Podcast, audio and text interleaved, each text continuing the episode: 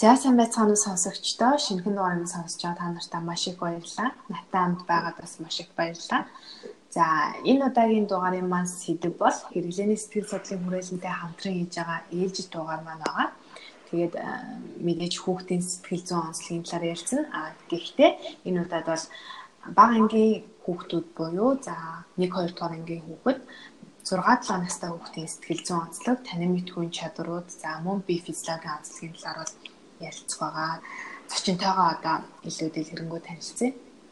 За, сайн байцгаана уу? За, би хэрэглээний сэтгэл судлалын хүрээлэнгийн хүүхдийн сэтгэл судлаач Адууч юм дээ. За, өөрийгөө бас илүү дэлгэрэнгүй танилцуулж мэрэгжлийнхаа зүгээс бас те хэдэн жил ажиллаж байгаа юун дээр одоо төлхөө мэрэгшиж ажилладаг талаараа ярьж өгч. За би хэрэглээний сэтгэл судлалын хүрээлэн дээр болохоор ер нь хөвчлэн бага насны хүүхдүүдтэй ажилладаг. За ялангуяа бага насны хүүхдүүдийн сургуульд бэлэн байдлын байдлын одоо сургалтууд дээр бас мөн адил өөр сургуультай холбоотой төсөл хөтөлбөрүүд дээр ажилладаг байна. За одоо тэгвэл хоёлаа яг сэдв рүү оръё те. 6-7 настай хүүхэд буюу за 1 2 дугаар ангийн хүүхдийн сэтгэл зүйн онцлог яг ямар байдгийг юу нь одоо яг бусад насны хүүхдээс онцлог байдаг вэ? Аа. За тэгэхээр 6-7 настай хүүхдүүдийн одоо онцлогийн хувьд бол яг сургуульд орж ийн гэсэн үг шүү дээ тий. Хүүхд маань. За тэгэхээр хүүхд сургуульд орж байгаатай холбоотойгоор тийм насны хямрал үүсдэг байгаа. Яг энэ насны хүүхдүүдэд. За энэ нь юу гэсэн үг вэ гэхээр өмнө нь одоо хүүхд нөгөө ихэнх үйл ажиллагаа нь тоглоомтой холбоотой, тоглохтой холбоотой байсан бол одоо яг энэ нь өөрчлөгдөд сурах үйл ажиллагаа руу шилжиж байгаа гэсэн үг яг энэ шилжилтийн үе байгаа. Аа тэгэхээр энэ шилжилтийн үедээ хамааралтайгаар хүүхдэд хямралууд үүсдэг. Аа жишээлх юм бол одоо аав ээжийн тавьж байгаа шаардлагууд ч юм уу те. Чи ингэх хэвээр тгийх хэвээр гэд хандж байгаа тэр шаардлагууд одоо тэдгээр нь хүүхдэд одоо янз бүрийн байдлаар дарамт одоо хямралыг үүсгдэг ч юм уу те. Тэгээ өдөр тутмын амьдралын хэмнэл нь өөрчлөгдөнө Аа тэгээд бас эргэн тойронд нь одоо өмнө төрснөөс нь эхлээд орчин нөхцөл орчинд нь одоо гэр бүл нь аягүй чухал нөлөөтэй байсан бол одоо энэ дээр нэмэлт багш гэдэг хүний нөлөөллөө гэмчлэн аха эдгээртэй холбоотойгоор хүүхдэд янз бүрийн хямралтай байдлууд үүсдэг байгаа. За хүүхдийн хувьд одоо сургууль гэдэг чинь цоо шин орчин байгаа шүү дээ. Дээрээс нь бас цоо шин хүмүүстэй. Хүүхэд чинь ингээд юмд дасах гэж нэлээд юм болдог дээ. Тэгвэл яаж одоо ингээд хичээлийн эхний өдрөөс нь ч гэх юм уу арай нэг эргээр хүлээж авахт нь эцэг эхчүүд нь яаж туслаж болох уу? Яаж одоо ингээд тасан зохицоход нь туслах боломжтой бол? За энэ дээр болохоор ер нь сургууль бэлэн байдлын ер нь нэлийн сайн хангах хэрэгтэй байдаг. За тэрэнд нь юу юу ордог вэ гэхлээр тухайн хүүхэд одоо хувь хүний талаасаа би хүний талаасаа сургуульд сурах төсөөл сургуулийн талаар төсөөл байгаа юу? Сургууль сурахыг хүсэж байгаа юу? Энэ нь сургууль ороход хангалттай сайн төлөвлөсөн үү? Өмнөх одоо хөгжлийн үештүүд байгаа дээ, тий? Хангалттай сайн тоглосон уу гэдэг ч юм уу. Эдгээрийг эдгээр хэрэгцээнүүд нь сайн хангагдсан уу гэдэг талаас. За нөгөө талаас болохоор танин мэд хүн чадвар талаасаа хүүхдийн анхаарал нь одоо төвлөрч докторчсан уу тий? Одоо мэдхийн ерөнхий цар хүрээн ямар вэ гэдэг асуудлууд. Аа ерөнхий хандлага сэдэлчдэлтийн талаас байгаа гуравт нь болохоор энэ болохоор юу вэ гэхээр хүүхэд сурах сэдэл эрмэлзэл хангалттай бий болсон уу те? Юуныг сурахыг хүсэж байгаа юу гэдэг. Энэ гурван талаасаа одоо сургууль бэлэн байдлыг авч үздэг. Тэгээд аав ээжүүдийн хувьд болохоор эдгээр гурван талаас нь хүүхдэд айл болох одоо хөгжүүлэх те? Хүүхдийн одоо сурах сэдэл ямар байгаа? Хүүхд нь хангалттай сайн тоглож чадаагүй байгаа бол одоо нэг жил өнжих ч юм уу те? Яг сурах сэдлийн хангалттай бий болгох хүүхд сэтгэл зүйн талаас нийгмийн талаас өөрөө сургуульд ороход бэлэн тийм нөхцөл байдлыг бий болгох одоо бий болгож ич сургуульд нь оруулах болохоор ингээд өмнөх хэрэгцээнүүд нь хангалттай сайн хангахтаг байхад хүүхдийг шууд за чи одоо сургуульд орно гэд дагуулад юу гэдгийг ч мэддэхгүй тийм газар руу шууд дагуулад очих хүүхд нь айц үсдэг. Тэгээд эндээс болоод хүүхэд маань өргөжлөлтэй дургу алах, даалгавраа хийхгүй байх гэдэг ч юм уу те. Тэгээ аав ээжүүдээ ер нь манай хүүхд жоохон болохгүй байна гэдэг ч юм уу яг тиймэрхүү дөө байдлуудыг одоо гаргадаг гэх юм уу. Одоо нэгэсэндээ дасан зохицоход хэцүү байна л гэсэн үг. Аа 6-аас 7 насны хүүхэд гэдэг бол яг нөгөө сургуульд ороод 1-р ангид орж байгаа ч юм уу тийм хүүхдүүд байгаа. За тэгэхээр энэ дээр хамгийн түрүүнд яригдах зүйл нь юу вэ гэхээр нөгөө тухайн хүүхэд маань өөрөө сургууль ороход бэлэн байсан уу үгүй юу тий сургуульд орох бэлэн байдал нь бүрэн дүрэн хангагдаж чадсан уу үгүй юу гэдэг асуудал байгаа. За сургуульд орох бэлэн байдлыг иргэд нь 3 чиглэлд одоо хувааж болно. 3 зүйл чиглэлээр хүүхэд одоо бэлэн байна уугүй гэдгийг үнэлэх боломжтой гэсэн. За эхнийх нь болохоор хүүхэд нийгмийн талаасаа, нийгэмшүүн талаасаа сургууль бэлэн болж байгаа юу те. Аа тэр одоо сургуулийн талаарх төсөөлөл нь бүрэн дүрэн суусан уу өмнөх одоо хэрэгцээнүүд буюу тоглох хэрэгцээ нь тий хангалттай бүрэн хангагдаж чадсан уугүй юу гэдэг асуудал. Аа тэгээд дараагаар болохоор танин мэдхүүн чадвар талаасаа хүүхд анхаарлаа сайн төлрүүлж чадж байгаа юу? байгаа юу? Ерөнхий одоо мэдлэгийн цар хүрээ нь ямар байна гэх мэт. За 3 дугаарт нь болохоор өөрийн хандлага сэтэлжилтийн талаас хүүхд яг сурах хүсэл эрмэлзэл нь бий болсон уу гэдэг асуудлууд байгаа. За энийг дахиад одоо дэлгэрүүлээд задлаад ярих юм бол нийгэмшүүн талаас гэх юм бол хүүхдийн хувьд аа сургууль гэдэг чинь өөрөө шинэ нийгмийн орчин шүү дээ тий. За тэгэхээр энэ орчинд хүүхэд алхир хурдан дасан зохицож чадхаар байна. За тэгээд бас сургуулийн талаарх бүрэн дүрэн төсөөлөл байсан уугүй юу? Одоо жишээлбэл залуу аав ээжүүдийн хувьд одоо аль нь том биш үү те? анхных нь хүүхэд сургуульд орох гэж байгаа. Тэгэнгүүт эргэн тойронд нь яг сургуульд орох гэж байгаа ч юм уу сургуульд сурдаг хүүхэд байхгүй. Тэгэнгүүт нөгөө хүүхдийн чинь хувьд сургууль гэдэг бүр цоо шиг орчим байхгүй. Огт танихгүй мэдгүй. Тэгэхээр энэ сургуулийн талаарх төсөөллийг бий болгох өөрөө аа сургуульд одоо хүүхдэд бэлтгэх сэтгэл зүйн байдлын нэг том чухал үе юм байдаг байхгүй. Сургууль дээр хүүхд юу хийдгийг тий сургууль цэцэрлэг хоёрын ялгаа нь юу юм гэдэг ч юм уу. Цэцэрлэг дээр жишээлхэд хүүхдүүд хийх цагийг тоглодог ч юм уу тий одоо зураг зурдаг, наадаг, буц жингөрөөдөг бол сургууль дээр болохоор хийх цагийг хөвчлэн одоо сурах үйл ажиллагаанд зарцуулдаг шүү дээ. Тэгэхээр сургууль дээр очиод юу хийх вэ? Тэн дээр хийх юм байх вэ? За сургууль гэж юу ямар газар үүдийн гэдэг төсөөллийг хэлээд хүүхдэд бий болох хэрэгтэй. За дараа нь болохоор таны мэдхүйн чадвар талаасаа гэх юм бол за хүүхдийнх нь аа 6 настай хүүхдийн хувьд ихвчлэн одоо бий болцсон тэр насны бий болцсон байдаг чадрууд нь гэх юм бол 6 настай хүүхдийн хувьд ярианы хөгжлийн чадварын одоо эмнэлээ хөгжсөн байдаг. Тэгээд энд нь болохоор юу вэ гэхээр үгийн хүнд болоо хадагт орсон авийг ялгаж сонсох гэдэг ч юм уу те. Дууны хурд хүч өндөр намын ялгах а богино хэмжээний тийм үлгэр тэ өгүүлэлийг өөрсдөө зохиох шүлэг ч юм уу те. Тэгээд том жижиг тийм дармал бичиг одоо өсгөнүүдийг харангуйта а энэ тийм бэ энэ юм бэ ингээ хоорондоо ялгаж салгадаг байх. За жижиг тийм дуудлагатай өөр утгатай үгнүүдийн утгыг ойлгож хэрэглэх гэх мэтчлэнгийн одоо одоо жишээлхэд шар гэдэг чинь өнгө штэ тэ. Тэгэхээр шар одоо амтан шар тэмээ ч юм уу шар өхөр ч юм уу гэдэг ч юм уу те ямар нэгэн тийм шартай холбоотой өгнүүдийг холбож ойлгож чадчих гэнэ үгүй юу. Тэгээ зохиож ярих гэх мэтлэн тийм чадваруудын талаар ярьж байгаа.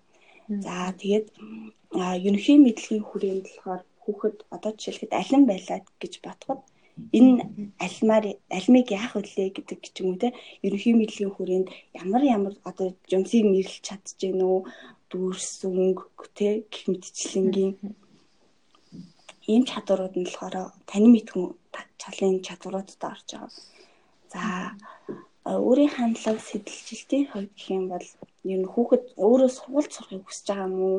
Юм суралцахыг хүсэж байгаа юм уу те? Аа суралцсан гэдэг маань өөрөө яг юу гэлтийн гэдэг талаарх ойлголт. Тэгээ эцэг их нь одоо суралцах талаар ойлголтыг бүрэн дүрэнд төрүүлж чадсан уугүй юу гэдэг энэ асуудлууд яригддаг.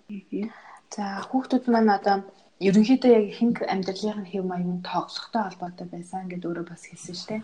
Одоо тэгтэл бас суралцах гэдэг нэг маш том үйл явдал нэмэгдчихлээ. Яг үүнтэй зэрэгцээд хүүхдүүд маань маш их нөгөө ядардаг штэ тий. Одоо энэ насны хүүхдүүдийн оюуны ядаргаа гэх юм уу энийг нь одоо яаж тайлж явах ёстой байдгийг тий. Суралцах үйл явцын бас дэмжих талаас нь эцэг эхчүүд яаж дэмжүүлэх зүгээр гэдэг юм бол. Аа. За энэ дээр болохоор манай төвд хандж байгаа одоо одоо баялангуяа бага насны хүүхдтэйгээ ажиллагаа үнэлгээ зөвлөгөөнд хандж байгаа хүмүүс их их яг ингэдэг байхгүй.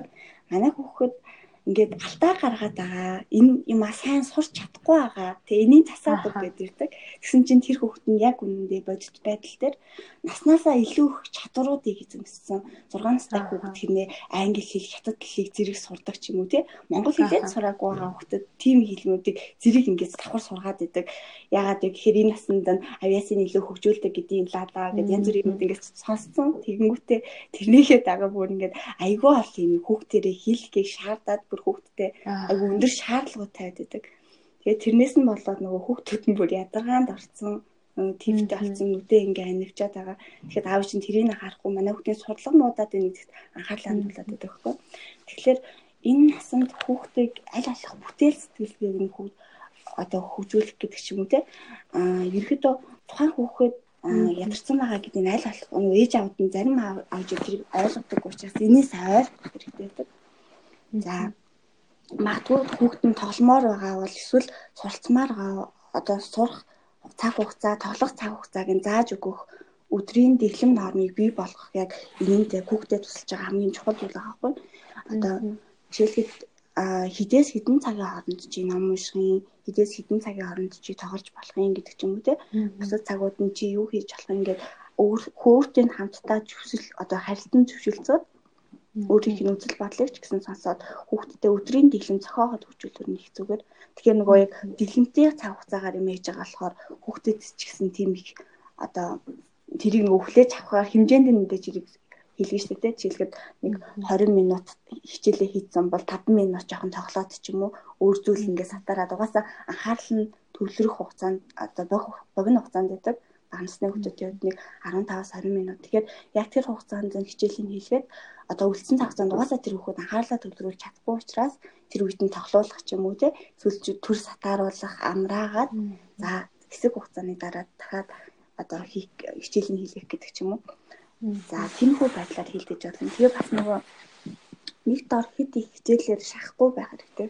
Аа нэг дор тэгж хэд их хичээлээр шахаад эхлэнгүүт хүүхдийн хувьд мэдээж хэрэг тийм хэцүү нөхцөл байдал үүснэ ерөнхийдөө нөгөө 50 биш болж байгаа байхгүй. Тэгээд бас муу адил одоо хүүхдийг нөгөө алтаа гаргахаар нь айгүй шүүмжилдэг ч юм уу те.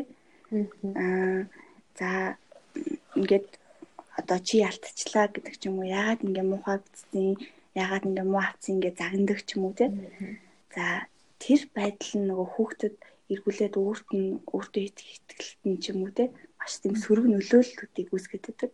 Өөрийнхөө талаар төсөөлөлт нь Тийм учраас хүүхдийг одоо хичээлийн давтуулж явахдаа ч юм уу аль болох загнахгүй байх хэрэгтэй.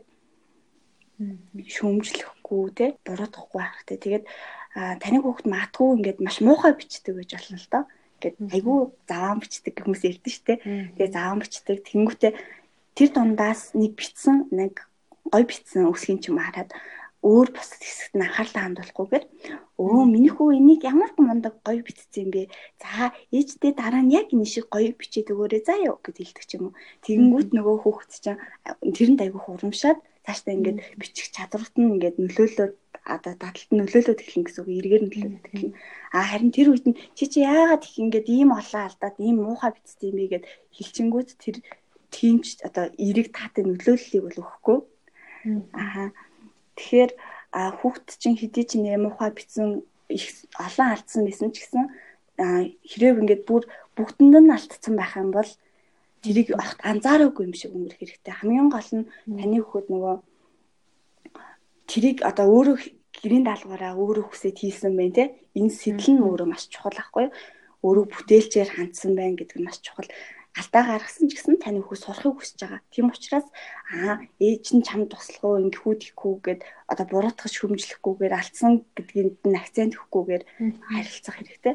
Тэгээд тэрэ аа өөр тийм алдсан олон үсэг дундаас нь алдаагүй бичсэн нэг үгийн ч юм уу те эсвэл одоо нэг үсгийн гой бичсэн нэг үсгийг хараад хүү яа нэг ямар гой бичсэн бэ гэдэг тэр хэсэгт нь анхаарлаа хандуулад ер нь шүмжлэхгүй байх өөрөө маш хөөрн нөлөөтэй байдаг.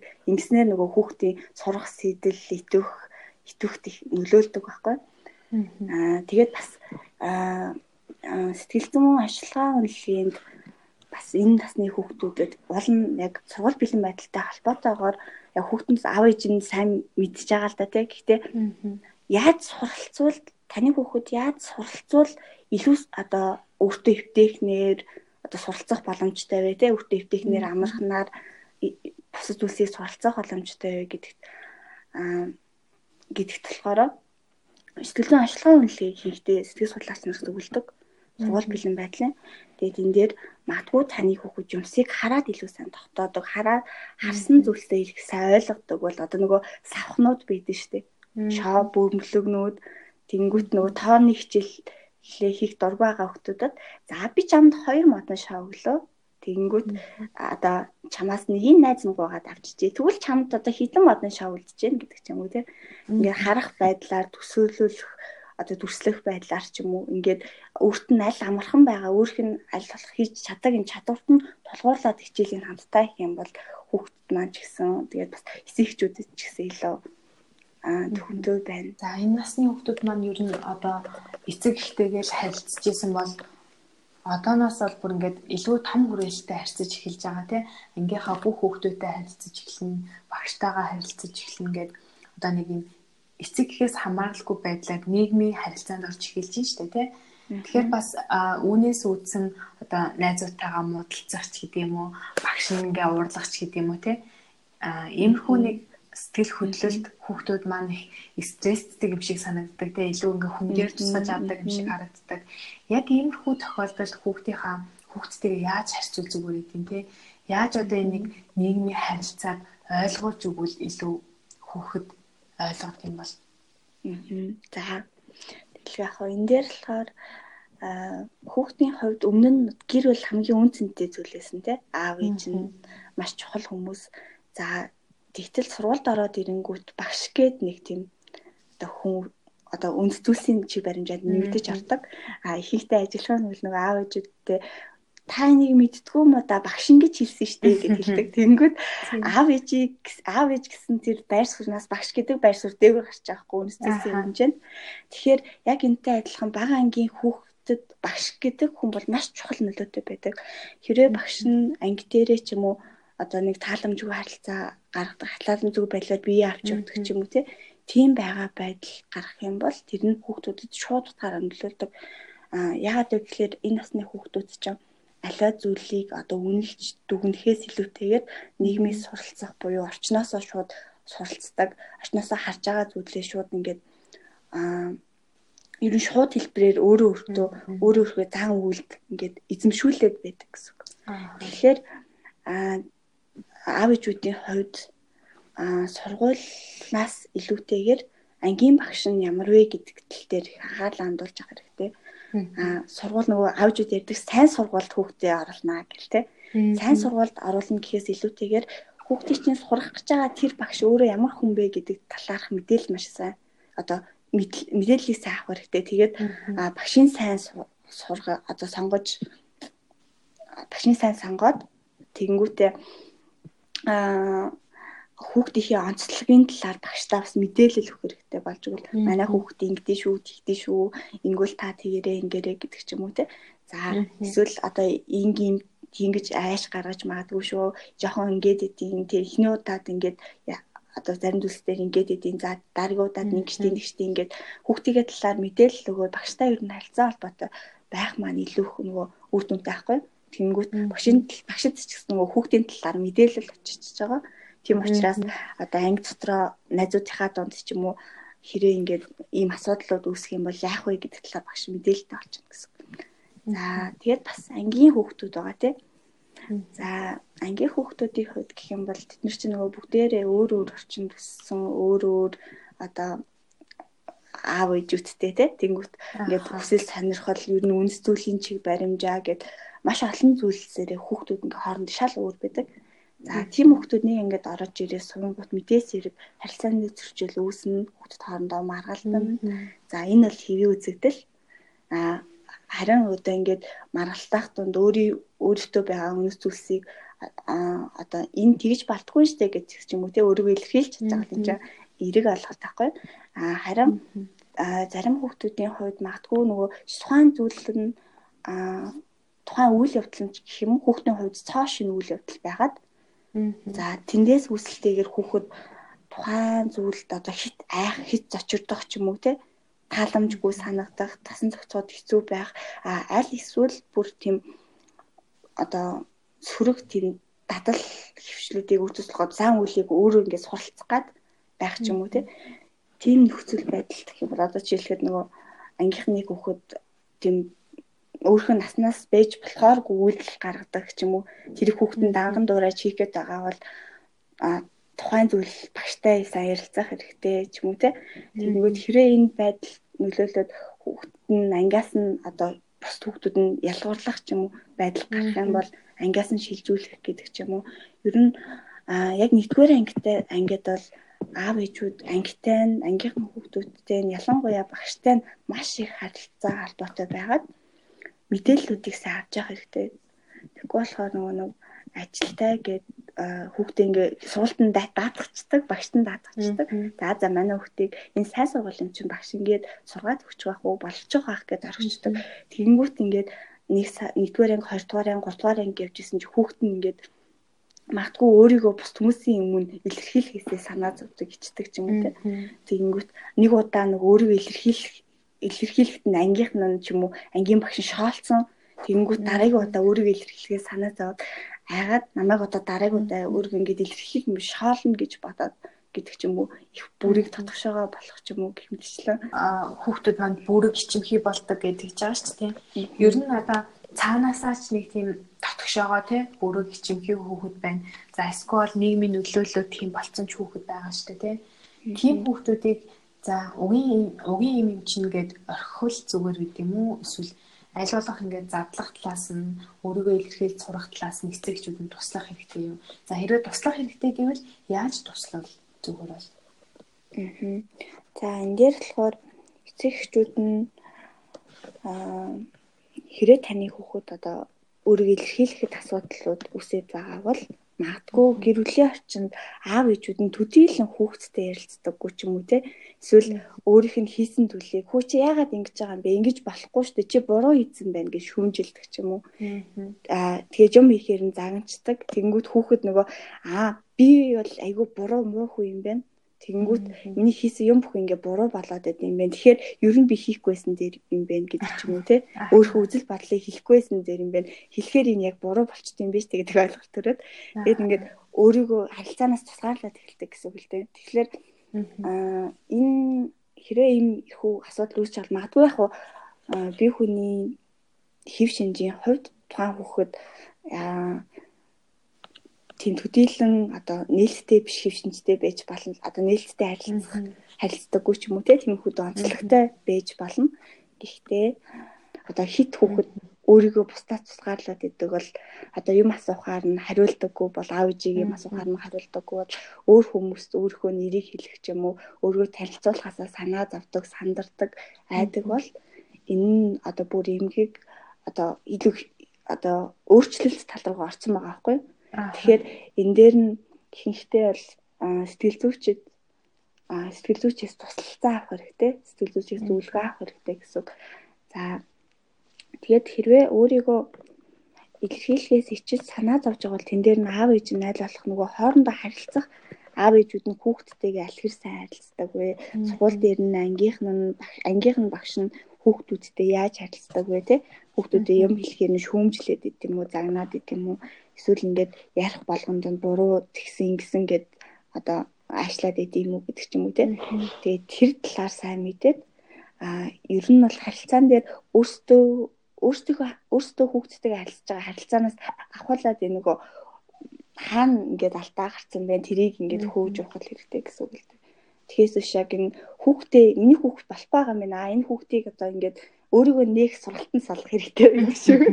Тэгээд одоо ингээд нөгөө тэр хүүхдийнх нь хүүхдэд нь байгаа дутагдлыг өөр хин нэг хүн рүү ингээд одоо ингээд заалах ч юм уу байдлаар ээжлэхгүй. Энэ болохоор таны хүүхэд тантай хамт байгаад нөгөө хүүхэд суралт эргэн тойрноос хараа суралцдаг штеп. Аав ээж нь төдийлөө өөртөө нь ярьдаггүй бол а миний үзэл бодол ер нь миний ингээд юу бодож байгаа эдгээр эднэрт нээхийг хамаагүй юм байна гэд бодоод тэргийг ярьдаггүй ч юм уу гэж магадгүй штеп. Тэгэхээр аав ээж нь хамгийн түрүүнд хэлээд хүүхдтэйгээ сая ярилцдаг байх хэрэгтэй. Аа. Одоо яг багш эцэг их хүүхэдгээ гурван талд харилцаа үүсгэж байгаа шүү дээ тийм.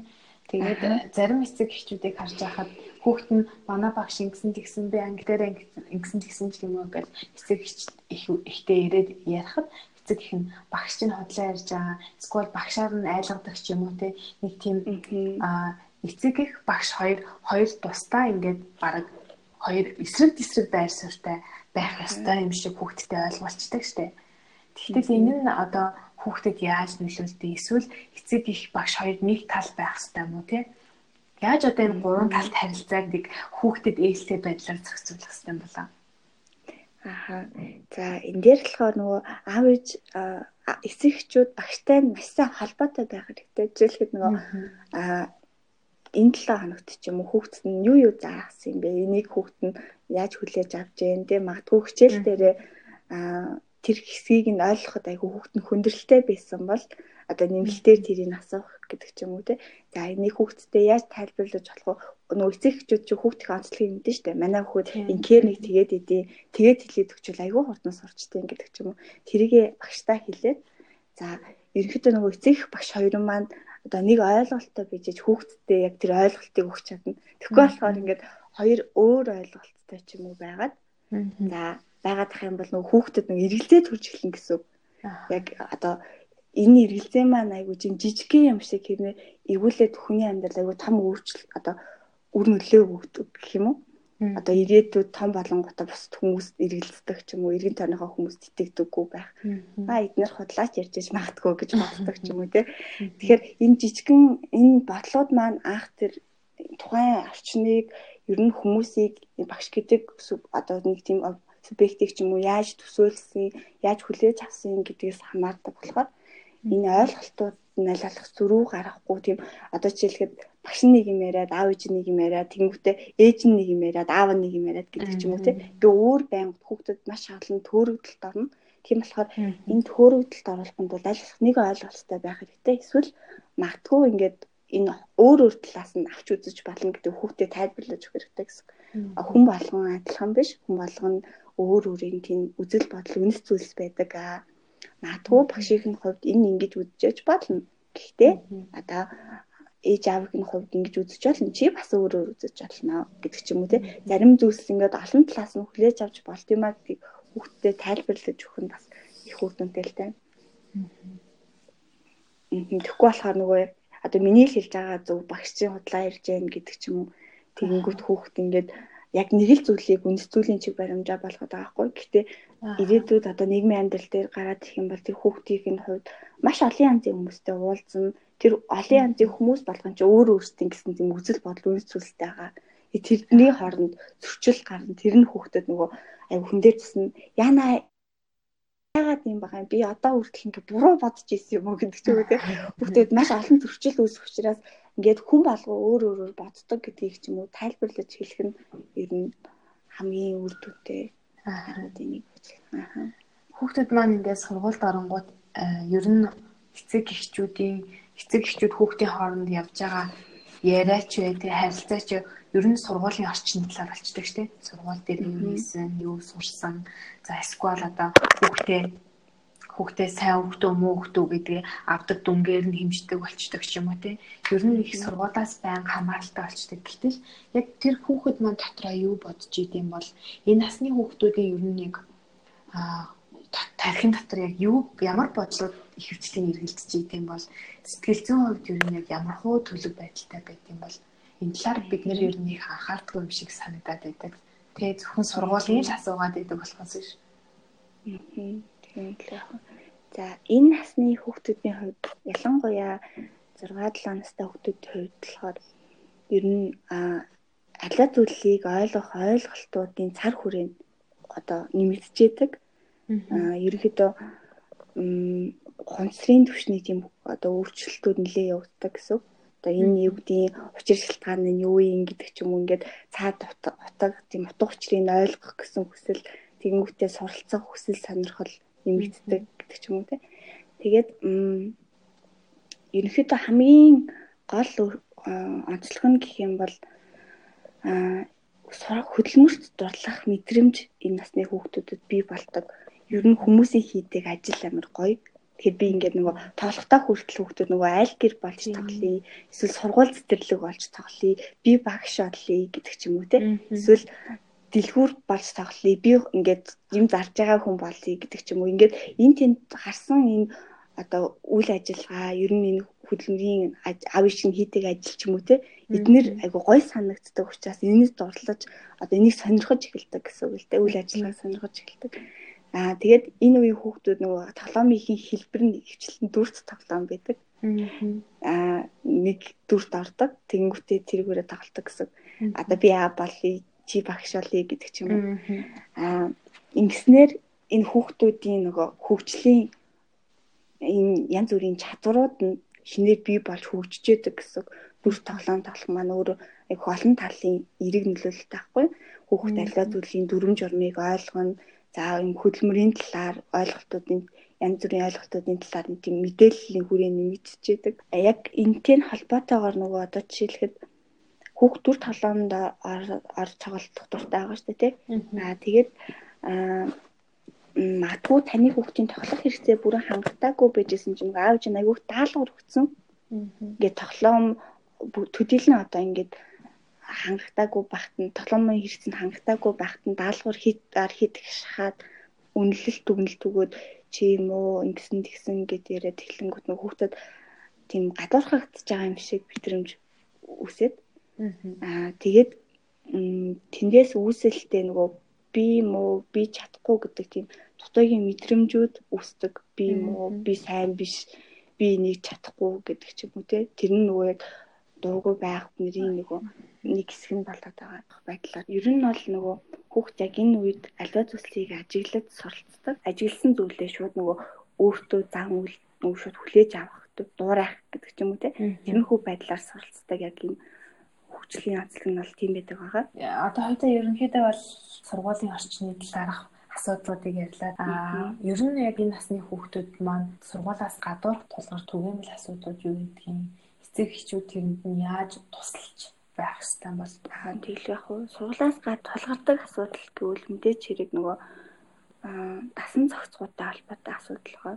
Аа тэр нь яг тухайн хүүхэд нөгөө хит олон мэдээлэл аваад өмнө нөгөө тоглолтог байсан чи айгүйх даалгавар хийх хэрэгцээ гарч ин тий одоо.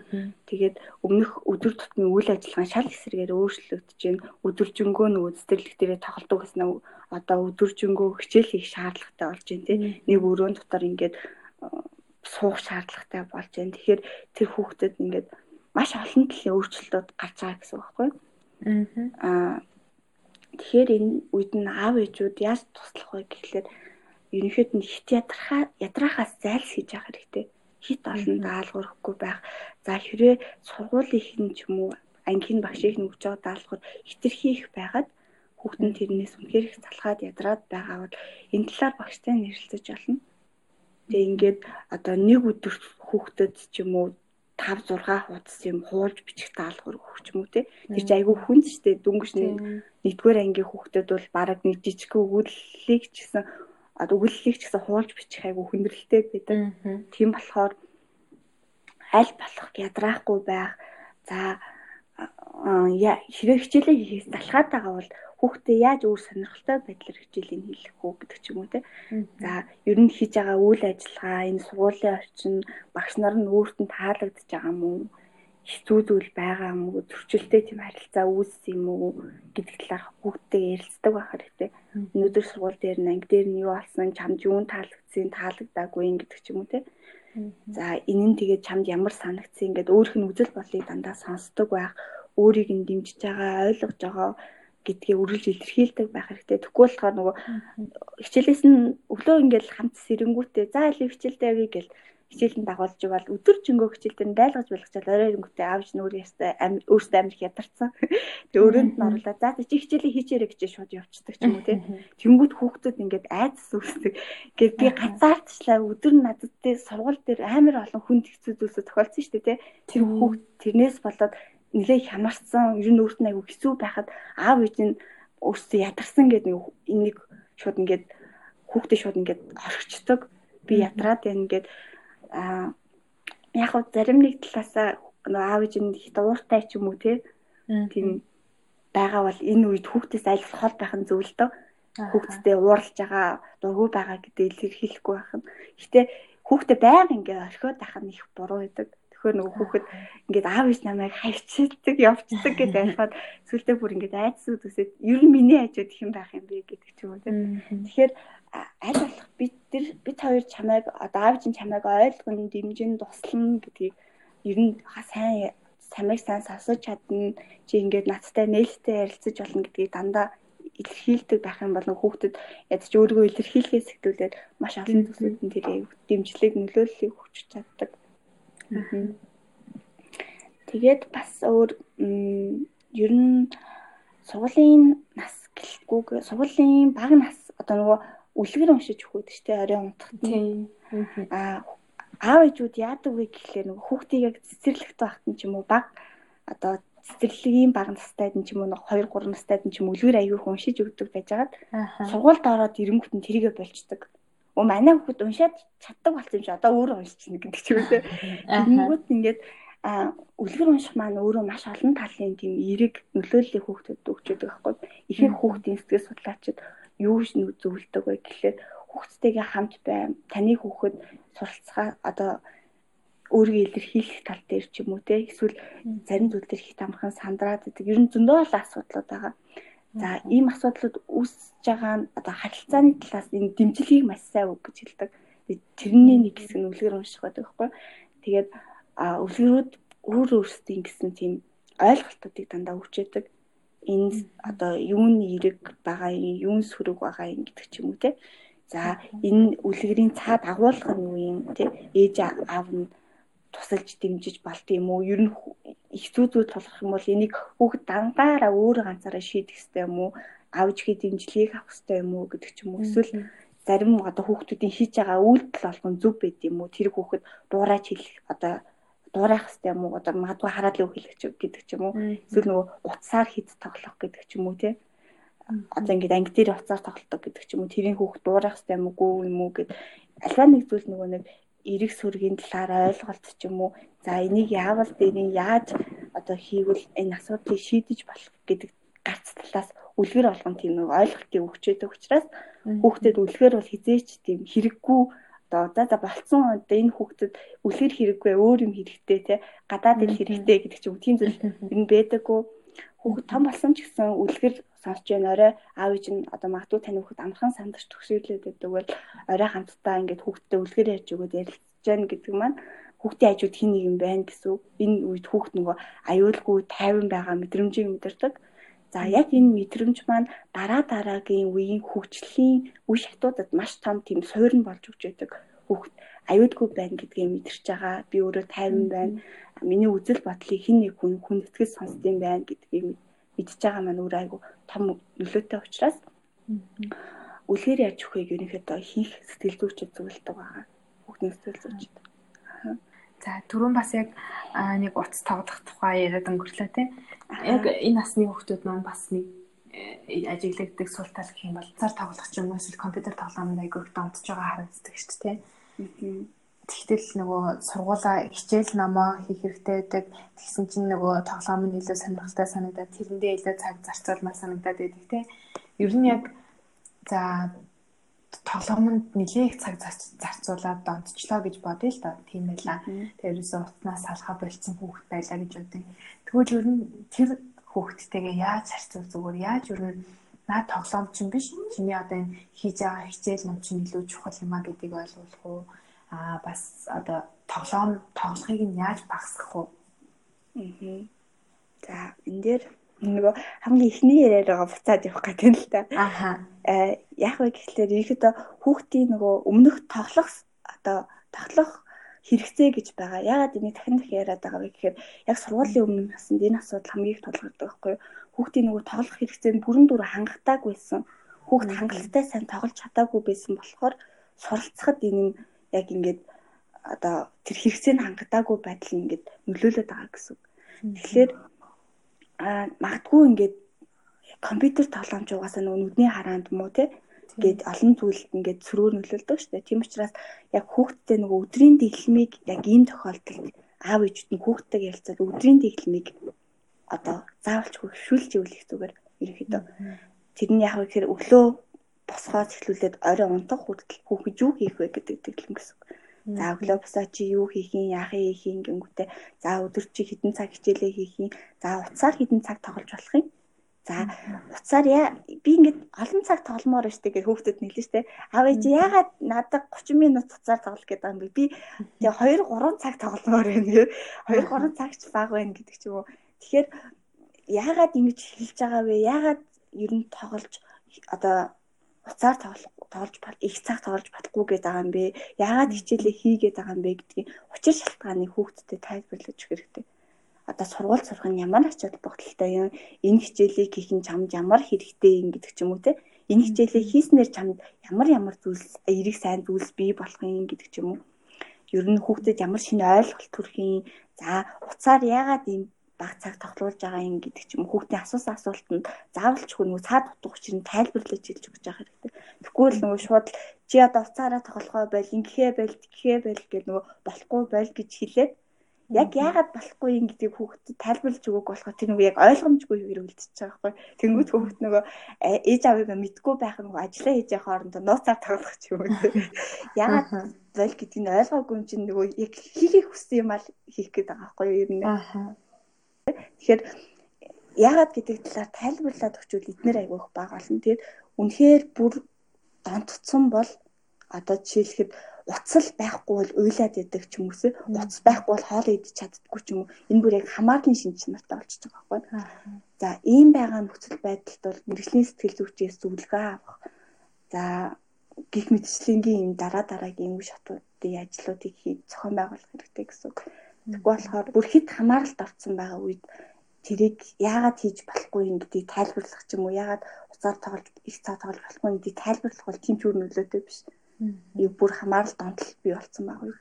Тэгэхээр энийг ингэхээс нь өмнө хүүхдэд тайлбарлаж өгөх хэрэгтэй. Хэрвээ үнэхээр хамааралтай ч юм уу донтолтын хэмжээнд тоглоомын байдал одоо уцаар тоглох байдал нь хүрсэн бол яг мэрэгжлийн сэтгэл зүйчээс зөвлөгөө авах энэ дээр яах вэ гэдэг талаар цаашид ярилцаж одоо илүү гүнзгийрүүлж ажиллах хэрэгтэй гэсэн. Аа хүүхдүүд маань ер нь ойлгох уу? Одоо ингээд утсаа чи ингэж тоглох чинь чамд ийм ийм үр нөлөөтэй байхгүй юу гэд ингээд эвтэйхэн тайлбарч хэллээ дээ тий. Тэгвэл хүүхдүүд маань үнэхээр яг аа тийм юм биш дээ гэд ойлгож хүлээж авах нас нь яг 6 7 нас мөн үү? Аа ерөнхийдөө хүүхдүүд одоо баг том хүмүүс одоо аав ээжүүдийн хувьд гэдэг ч юм уу те. Хийхдээ яадаг вэ гэхээр манай хүүхэд жоох юм чи юу ч ойлгохгүй гэж хэлдэг байхгүй. Хүүхэд бага настай байсан ч гэсэн хамаагүй гадаад орчноос суралцж байгаа учраас таны хувьд юу хийж байгаа юм юу юм болохгүй байгаа юм гэдэг ч юм уу эргэн тойрноосоо бүх зүйлийг сурч мэдж авч идэг. Одоо гар утасны тоглоомноос хүртэл YouTube-ийн нөгөө нэг бичлэгүүд байдаг шүү дээ хүүхдийн үлгэртэй одоо жишээлбэл нөгөө Маша Миша гэлөө тийм арсны үлгэр хэмтчлэнгийн за энэ мен дээрээс гэсэн хүүхд бүх зүйлийг сурч авч байдаг. Энэ талаар ойлголтуудыг мэдчихэдэг байхгүй.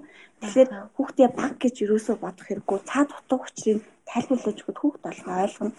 Яагаад ээж нь чамайг уцаараа баг тоол гэдэг юм бэ? Яагаад одоо энэс илүү минь цаг хугацаанд уцаараа тоглож болохгүй гэдэг юм бэ гэхээр миний одоо охины мэдээч хэрэг бүр амар шинжлэх ухааны төвшин үеэр тайлбарлах хэрэгтэй шүү дээ. Тэр хүч ойлгохгүй.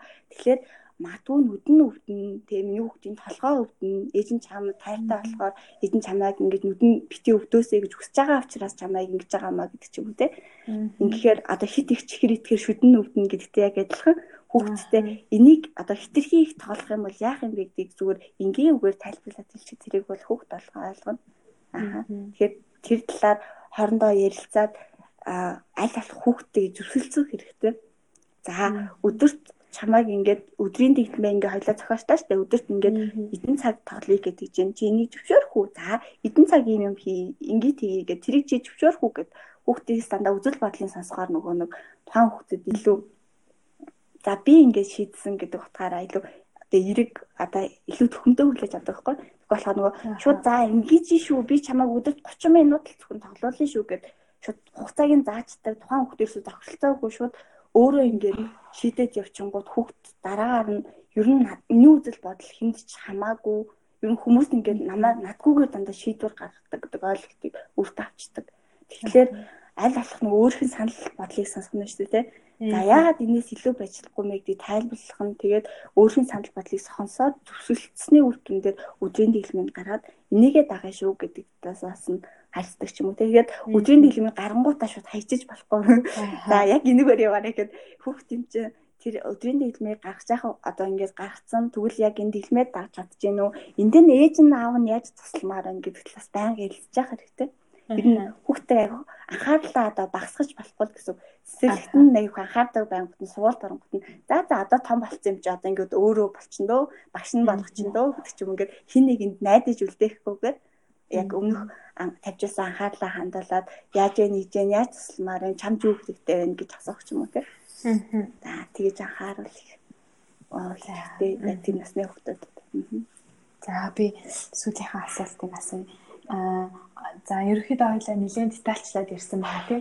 Тэгэхээр яг 6-аас 7 настай хүүхдтэй яг ер нь эцэг эхчүүд нь яаж харьцуул тэр хүүхдэд зөв байдаг вэ? Аа.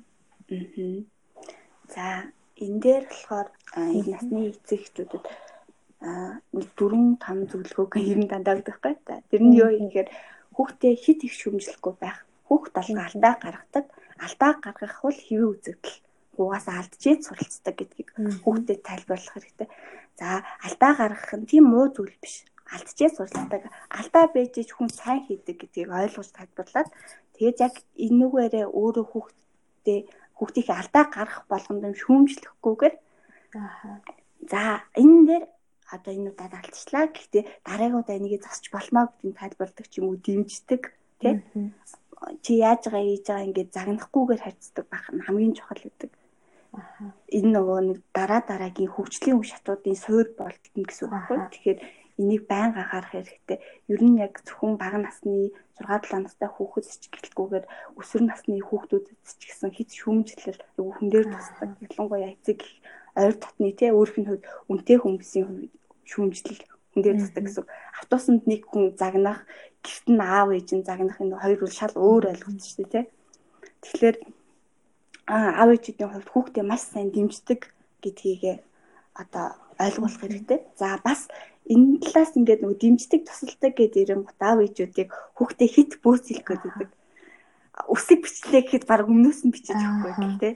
Тэгэхээр нөгөө хүүхдийн бие даах чадвар бүтээлцдэг хүүхд ингээд хаач байгаа гэсэн үг байна хүүхд өөрөө ингээд бүтээлчээр юм хийх, би дааж юм хийх тэр бодлуудыг хаагаад аав хийгээд өчнө, ээж хийгээд өчнө, би чадахгүй бол энийг аав ээж хийгээд өчтний гэдэг ойлголтыг төрүүлж байгаа. Тэгэхээр энийг яаж хийвэл зүгээр вэ гэдэг одоо тэр сэдлийн хүүхдэд үлдээгээ үлдээгээд ер нь хүүхдээр өөрөөр нь хэлэх хэрэгтэй гэсэн одоо хамтдаа ярилцаад тэр сэдлийг төрүүлснээр хүүхдээр өөрөөр нь бидаа жалаад үлийг хэлэх хэрэгтэй гэсэн байна. Аа ингэснээр хүүхэд нөгөө гинти эцэгтэй нөхцөл байдалд өөрийгөө бэлтгэж сургаж байгаа. Би дааж альва нэгэн зүйлийг даван тулах чадварыг өөртөө бий болгож байгаа. За тийм нөхцөл байдал тулгарлаа гэхэд сэтгэл санааны хувьд доктортой тайван байдлаа хадгалах тийм яг тэр гол үндсүүд нь энэ бидаах чадвартай холбоотой гэдэг учраас а хүүхдээ хит бөөсөлөх бас их муу гэсэн. Одоо яг нүдээр хүмүүс харах юм бол нөгөө ээж нь ингээл амар сайн дэмжээл туслаад баян бүх юмд нь орцуулахаар сайн ээж шүү дээ тэр хүн. Гэхдээ хүүхдийнхээ бидаах чадварыг ингээд хаачангууд тэр хүүхдийн хөгжих одоо нөгөө болцоонуудыг хаагаад байгаа гэсэн үг байна. Тэгэхээр хит их бөөсөхгүй байх бас энэ нэсэнд маш хэрэгтэй байдаг. За тэгээд нөгөө алдаатай хийсэн, буруу хийсэн гэдэг үйлдэл болгоны эргээр хүлээж авах байна. Аливаа нэг хийж байгаа үйлдэлийн ч юм уу те. За ерөнхийдөө ингээд нөгөө цаашдын үйл ажиллагаа, гэр бүлийн харилцаа, хандлагт энэ эргээр хүлээж авах байдал маш их нөлөөтэй байдаг. За би ингээд юм алдаа гаргachингууд аав ээж нэг намайг ингээд муу гэж бодоод тэгээ загнадээ штэ гэдэг ингээд хүүхд ингээд за би алдаа гаргачих юм бол аав ээжийн хувьд муу хүн болчихно гэдэг те. Тэнгүүт ингээд ээж аав нь яаж өөрийг нь хүлээж авдггүй яаж одоо харьцдаггүй гэдэг маань хүүхдийн өөрийгөө үнэлэх үнэлэмж за ер нь нийгэмд хүмүүстэй харилцах харилцаа гэд алдаа бүтлгүйтэл шүүмжлэл гэх мэт ойлголттой ингээд амар хамааралтай болчдөг. Тэгэхээр а эргээр хүлээж авахын хувьд нөгөө хамгийн ихэд дэжсэн чинь нөгөө жижигхэн жижиг одоо бүх юм дээр алдсан байж болно. Гэхдээ нэгхэн гой битсэн үсэг гэж болно гэдэг. Тэгвэл тэр гой битсэн үсгийн хүүе ямар гой битсэн бэ гэдэг ч юм эсвэл бүгдэн дээр нь алдсан байсан ч гэсэн хүүхд өөрөө ээжээ би хичээлээ хичлээ гэдээ аваад ирж байгаа бол за энэ хүүхд өөрөө сурах хүсэл ирэмсэл нь байна те. Тэгэхээр энийг эргээр хүлээж авах хэрэгтэй гэсэн. За энэ үед нь хүүе чи өөрөө хийх юм уу? Ямар одоо хэцүү байсан уу яасан хийсэн гэдэг ч юм уу те. За сайн байна гэдэг ч юм уу? Өөрөө хийсэн чинь ингээд сайн байна гэдэг ч юм уу те. За тэгээ хэцүү зүйл байгаа бол ингээд ээж нь туслана гэдэг ч юм уу? Чи аюуг нь ойлгохгүй би чам тайлбарлаж өгөх үү? Хамтдаа унших үү гэдэг ч юм уу те. Гих мэтчлэнгийн байдлаар эргээр хүлээж авах. За тэгээд а махтах бол бүх насны хөлтөдөд хамгийн хэрэгтэй зүйл гэтээ нөгөө энийг аав ээжүүд хамгийн их орхидог буруу хийсний л загнаад идэг. Гэхдээ тэр хүүхэд одоо 10 тоо бодох байснаас 8-ын зүг бодсон тий. Хоёрын л буруу бодсон байг л дээ. Тэгэхэд хоёр буруу хийснийг хараад загнаад идэг. Тэгэхэд тэр хүүхэд бүр 8 тог зүг бодсон биш тий. Тэгэхээр яг энийг энэ дээр нь одоо байн байгаа хэрэгтэй. Хүүе чи одоо ингэц юм уу, тэгц юм уу аа ер нь ингээд энэ сайн хийц юм уу гэдэг ч юм ингээд махтааллын үг маань хүнд ямар ч хүнд маш их болж идэг ямар ч хүн маш их энийг хүсэж идэг энэ хэрэгцээтэй байдаг зүйл нь. Тэгэхээр энийг ч гэсэн хангаад ээж аав нь гэхин зүгээс сайн магтдаг ч юм уу те. За алдсан алдаа болгонд нь шүүмжилдэггүй байх. За хийсэн зүйлийг эргээр хүлээж авах юм уу хэрэгээр хүлээж авах те буруу гэсэн ч гэсэн бичих хүсэл байна гэдэг чи бүтээл сэтгэгийг нь дэмжих за бидэх чадварыг дэмжээс дэмжих юм бол хүүхдийн хувьд одоо энэ гэр бүлийн харилцааны хувьд хүүхдийн хөгжлийн хувьд маш том чухал үр нөлөөг үзүүлдэг байгаа. Аа. Тэгээд бас ер нь сүүлд нь нэмж хэлэх юм бол хүүхд толгойн онцлог өөр нөгөө ээж аавд хөвчлэн хүүхдээ хин нэг хүний хүүхдтэй харьцуулчаад байдаг шүү дээ. Чи тэр хажуу айлын тэрний хүүхдийг уу гэдэг. Тэр танай ангийн тэр чин тоонда тийм сайн байлээ. Ангийн багш чи хэлсэн гэдэг. Тэгэнгүүт хүүхэд ингээд өөрийгөө бусдаас дутуу гэдэг тийм дутуугийн мэдрэмжийг авчаад байгаа байхгүй. Би бусдаас муу юм бэ. Би бусдаас чадахгүй байна гэдэг. Тэгэхээр магадгүй тэр цэцгээгийн батагийн хүүхэд тоондоо сайн байж болно. Тооны хичээлдээ Монгол хэлний хичээлдээ сайн мундаг, сайн гоё бичдэг, гоё сайн боддог ч юм уу те. Тийм сайн байж болно. Гэхдээ таны хүүхэд маш сайн зурдаг байж болно. Таны хүүхдийн бусдаас илүү сайн чаддаг зүйл нь одоо юм юм одоо тооны хичээлдээ ч юм уу төсөөлөд сайн хурдан боддог ч юм уу те. Гэх мэтчлэн хүүхд талханд өөр өөр ингэсэн онцлог байгаа гэдгийг аав ээжүүд хамгийн сайн мэддэг байх хэрэгтэй. Таны хүүхдийн онцлог нь юу юм? Магадгүй энд чадварууд нь сул байж болно тий. Гэхдээ тэрийг өөрийнх нь онцлог сайн хийж чаддаг чадвар дээр нь тулгуурлаад одоо монгол нэг хичээл одоо унших бичих дадлын ч юм уу тий тэрийг нэмэгдүүлэх боломж байгаа байхгүй унших бичих бодох дадлын ч юм уу. Тэгэхээр энтэй холбоотойгоор өөрийнх нь хүүхэд өөр бусад хүмүүсийн хүүхдээс өөр гэдгийг аав ээжүүд нь дандаа мэддэг байх. Тэ таны хүүхэд бол таны л хүүхэд тэ. Таны одоо хингээ зэмлэгтэй хүүхдийн тэр хүүхдэн зөвхөн таны л хүүхэд энэ хорвол хэдээр таны хүүхдээс өөр тийм яг адилхан хүүхэд гэж байхгүй. Тэгээ ганцхан одоо хувь хувь хүн шүү гэдгийг дандаа ойлгодог байх хэрэгтэй. Онцлог шинжийн хүндэлдэг байх хэрэгтэй тий. За тэгээд чадахгүй байгаа зүйлсийг одоо өөрийнх нь сайн чаддаг зүйлстэй холбож тэрийг тайлбарлаж өгдөг юм. Байвал хамгийн үр дүнтэй байгаа. Тэгээ хамгийн а манай байгууллагын ураа өгчсөн байдаг л да хүүхдүүд болгон өөр өөрийн замаараа гэрэлтдэг гэх. Тэгэхээр хүүхд толгонд өөр өөр юм гэсэн тийм онцлог давуу тал байгаа. Тэрийг дандаа хөндлөж байгаарай.